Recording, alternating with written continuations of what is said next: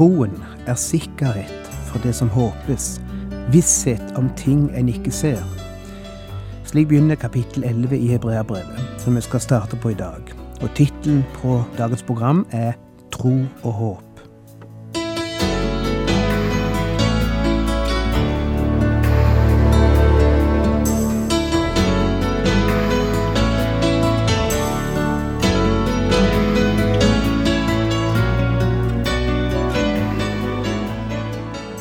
Hjertelig velkommen til et nytt program i serien Vindu mot livet.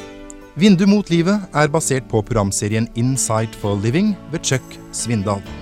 Programmet er produsert av Kristen Riksradio og blir ledet av Ola Bjoland.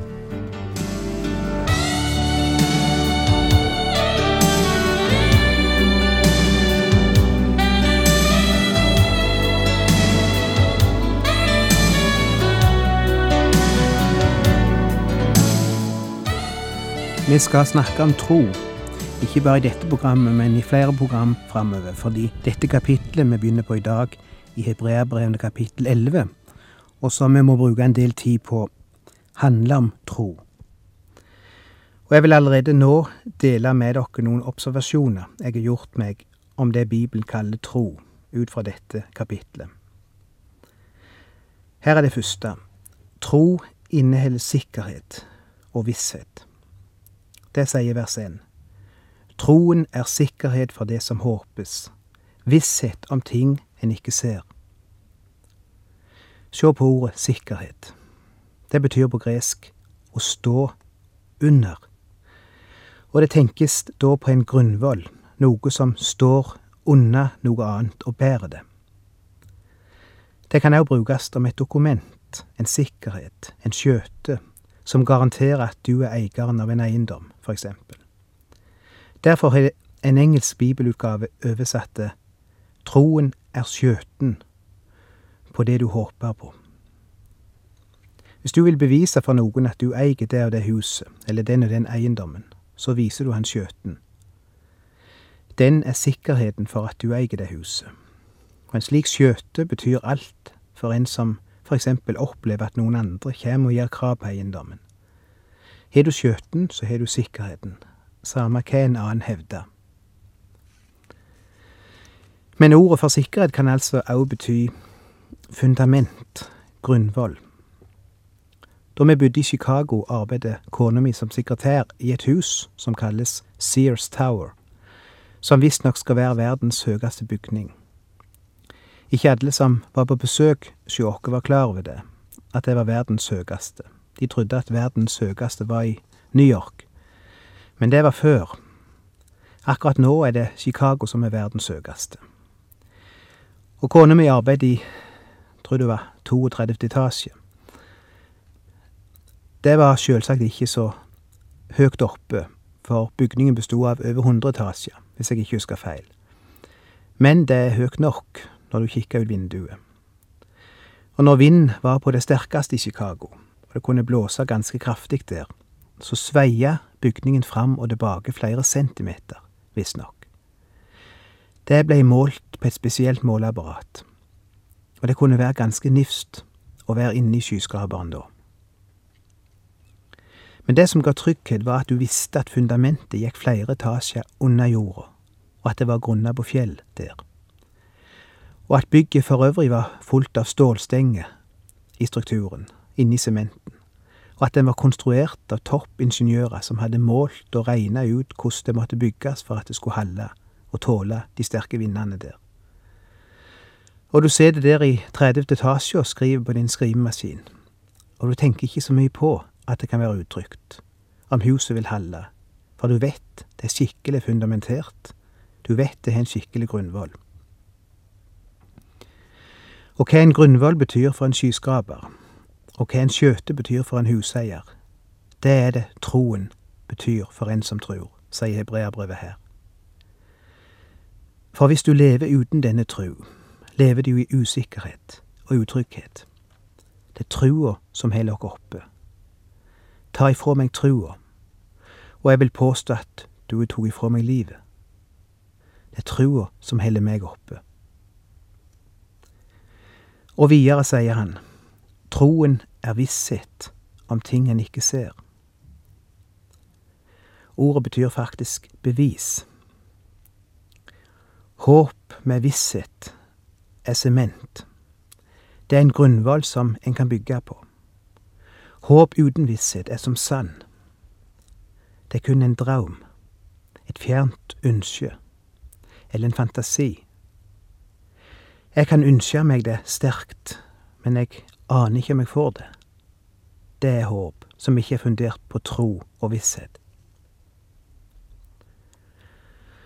Og så hentes alle disse menneskene fram utover kapitlet, som eksempel på mennesker med tro. En av de var Moses. Vi skal komme grundig inn på alle disse i seinere program, men jeg foregriper litt nå, vers 27. I tro forlot han Egypt uten å frykte for kongens vrede.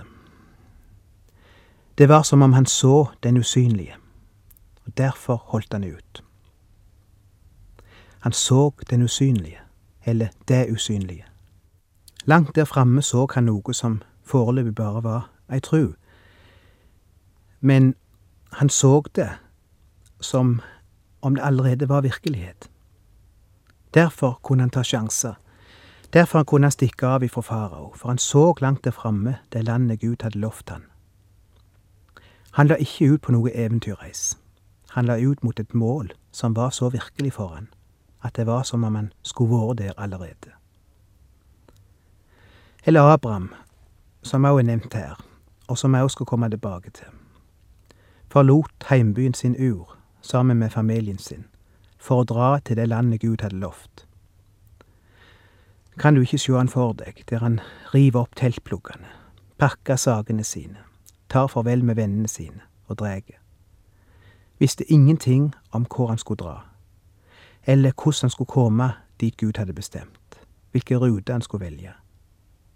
Ser du ikke for deg naboene som står og snakker med han i dagene før avreisen? Du må være klin gal, Abraham. Men Abraham var ikke gal. Han så i trua et land som Gud hadde bedt han dra til, og han drog. Det er tru. En annen observasjon jeg gjør meg når, om trua når jeg leser dette kapitlet, er at tru alltid relaterer seg til framtida. Det er sikkerhet for det som håpes, står der. Og et håp er alltid noe som retter seg framover, mot framtida. Og for det tredje, tru relaterer seg til noe en ikke ser. Hvis du kan sjå det, er det ikke tru. Du trenger ikke å tru for å vite at den stolen du sitter på, er en stol. Du trenger ikke tru for å vite at det bildet som henger på veggen, virkelig henger der. Alt du trenger å gjøre, er å sjå. Og hvis det er der, og du ikke ser det, så er det ikke trua det er noe galt med. Da er det synet som trenger en sjekk. Du trenger ikke tru for å vite at lyset er på. Du kan bare åpne øynene. Du trenger ikke masse tru for å vite at det regner ute. Du kan høre det på taket, eller se det gjennom vinduet.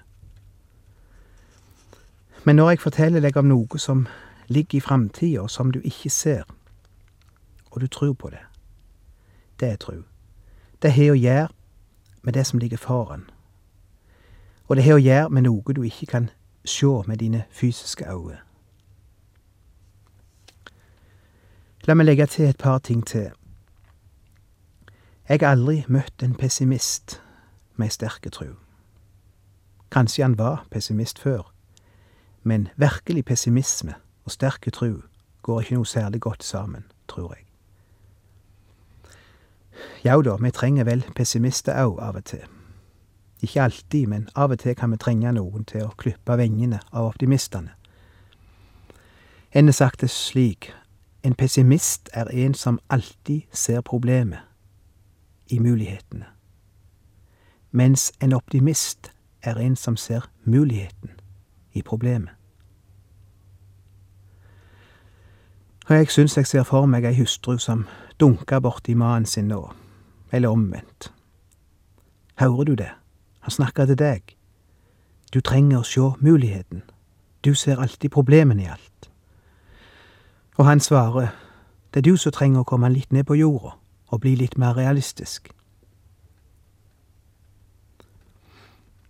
Troen er visshet om ting en ikke ser, sier ordet her. Det er kolossalt inspirerende å være sammen med mennesker som har litt av denne livsinnstilling, denne tru. Ikke ei blind og tåpelig tru, ikke en blind og tåpelig antagelse, men det som ordet her kaller ei sterke tru. Ei tru som er grunna på facts og løfte. Jeg har vært et par ganger i den berømte Sea World i San Diego i California. Det er som en dyrehage for sjødyr og fisker. Men det er ikke bare sjødyr der.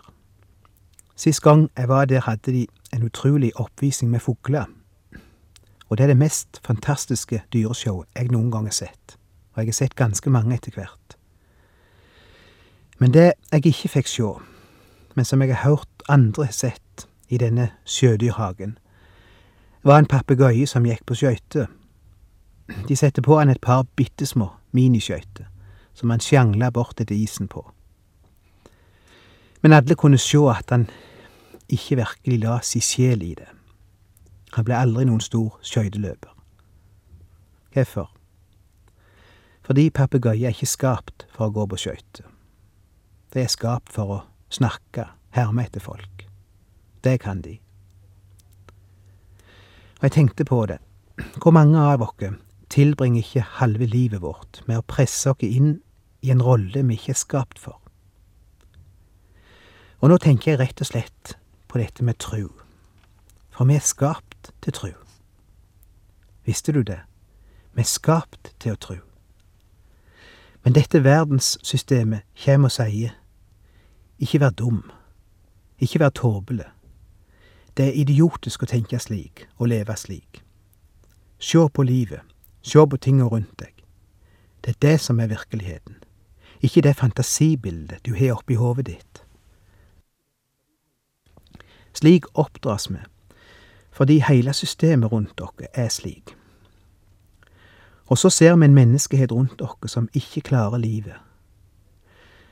Det er livet som de tror så veldig på, men som likevel ikke er i stand til å ta vare på den jord de er fått å ta vare på, som ikke engang klarer å holde fred med hverandre, som fyller sykehus med pasienter med psykiske lidelser. Alt dette fordi verden er tatt trua ifra de. For de var skapt til å tru, men de får ikke lov til å tru. Det passer ikke inn i systemet. Og når trua blir tatt ifra menneskeheten, da har de mista sjølve sjelen i livet. Og så vingler de av gårde som en papegøye på miniskøyter. En som heter Pamela Reeve, har skrevet ei bok som på amerikansk heter Faith Is. Tro er. Og hun skriver Tro er tillit til Guds trofasthet mot meg i en usikker verden, på en ujevn vei og gjennom en ukjent framtid. Tro er å regne med at Gud er herre over tiden, også når mine tanker om tiden ikke stemmer med hans. Tro er å hvile i det faktum at Gud har som mål å holde meg gående når jeg føler meg ubrukelig og bare til bry for andre. Tro er å regne med Guds styrke til å klare meg gjennom vanskelige tider. Tro er å nekte å bekymre meg når jeg ikke har den ringeste idé om hva Gud vil med mitt liv. Tro er å samarbeide med Gud når Han vil forandre meg og forme meg, i stedet for å lukke meg inne i selvmedlidenhet og sutring. Tro er å erkjenne at Gud er Gud over nuet, og at Han fører fram sin plan og sin hensikt gjennom hvert eneste kjedelige grå, tomme minutt av mitt liv. Tro er å takke Gud for at når mine planer ligger knuste, så har Han større og bedre planer. Hvorfor er dette med tro alltid en slik kamp? Sliter du med trua? Hvorfor gjør du det? Kan det ha noe å gjøre med en, ei uløst konflikt i livet ditt, eller i forhold til andre mennesker? En bitterhet som du ikke har lagt bak deg, og som binder deg og hindrer deg i å oppleve og bli satt fri? Kanskje du skulle stille deg sjøl det spørsmålet. Altfor ofte møter jeg mennesker som sliter med sin tru og sin frimodighet, som mangler fred og frihet og glede i kristenlivet. Og de har levd så lenge med det at de har begynt å tro at det skal være slik. Men så kan det være heilt åpenbare årsaker i livet deres som gjør at det ligger et lokk på trua og frimodigheten. Ting som trenger å renskes ut. Eller kanskje du hadde en far som du ikke hadde tillit til, slik som den gutten jeg snakket med forleden. Og derfor har du problem med å tro på en god far i himmelen. Det er utrolig hvor mange slike mellommenneskelige konflikter som kan ligge der og øyelegge den tillit og den tro som Gud vil gi oss. Og hvis du hadde en far som du ikke har gode følelser overfor, så må du huske at samme hvordan din far var, Gud er en annerledes far. Du må ikke leve i fortida lenger. Du trenger ikke leve der. Hvilken far, samme hvor gode fedre vi hatt, kommer noen gang opp imot Gud? Ingen gjør det. Alle fedre kommer til kort overfor Gud. Han er noe helt annet. Og en annen ting. Ta en dag om gangen. Dette gamle, velkjente, enkle råd som likevel er så vanskelig å praktisere. Og som gjør at mange øyelegger hver eneste dag av sitt liv med ting som ikke engang skjer den dagen, som kanskje skal skje i morgen eller en gang i framtida. Jeg las nylig om ei dame som var bekymra i 40 sammenhengende år av sitt liv. I 40 år gikk hun og hadde angst for at hun skulle dø av kreft. Da hun var 73 år, døde hun av hjerteinfarkt. 40 år av sitt liv kasta hun bort med å bekymre seg for feil ting. I 40 år var hun forfulgt av angst og depresjon for en sykdom som hun aldri fikk. Hun måtte vel føle seg litt snutt til slutt. Tenk å vente på kreften i 40 år, og så ikke engang få han. Men slik er det mange av oss lever. Og et annet råd jeg vil gi. Det blir mange praktiske råd i dag, men det er kanskje fordi jeg nettopp har møtt mennesker som dette har vært aktuelt for. Finn deg en venn, eller et fellesskap. Mennesker som du kan dele ting med, og bli oppmuntra av. Du trenger noen å dele med. Og hvis du er svak, så trenger du noen som er sterke. Noen som kan gi deg mot.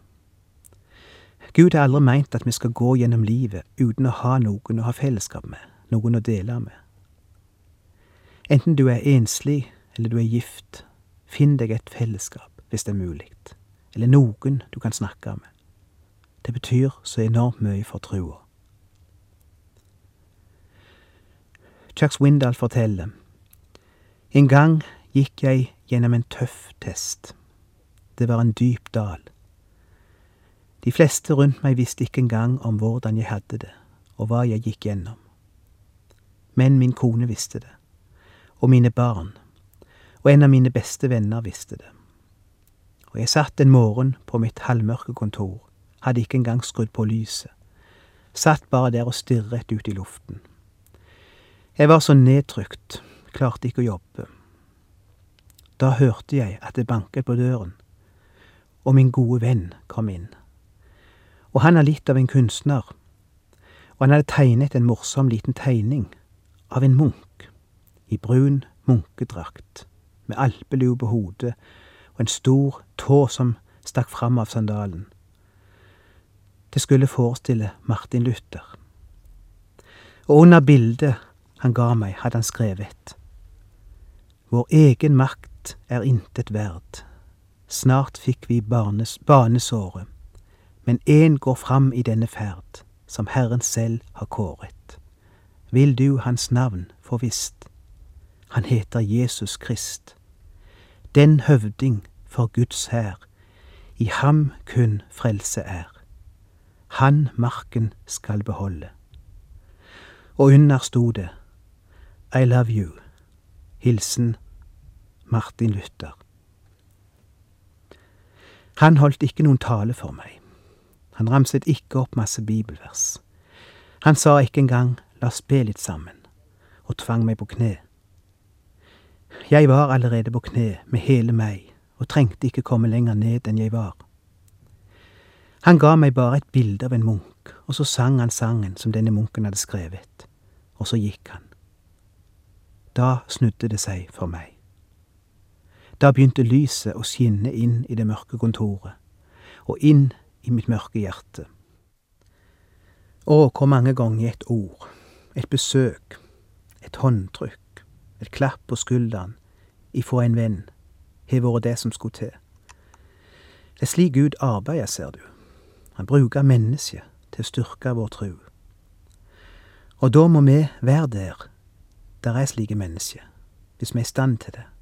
Søke plasser der det er mennesker som kan være med og bære oss, og styrke oss, og lufte oss.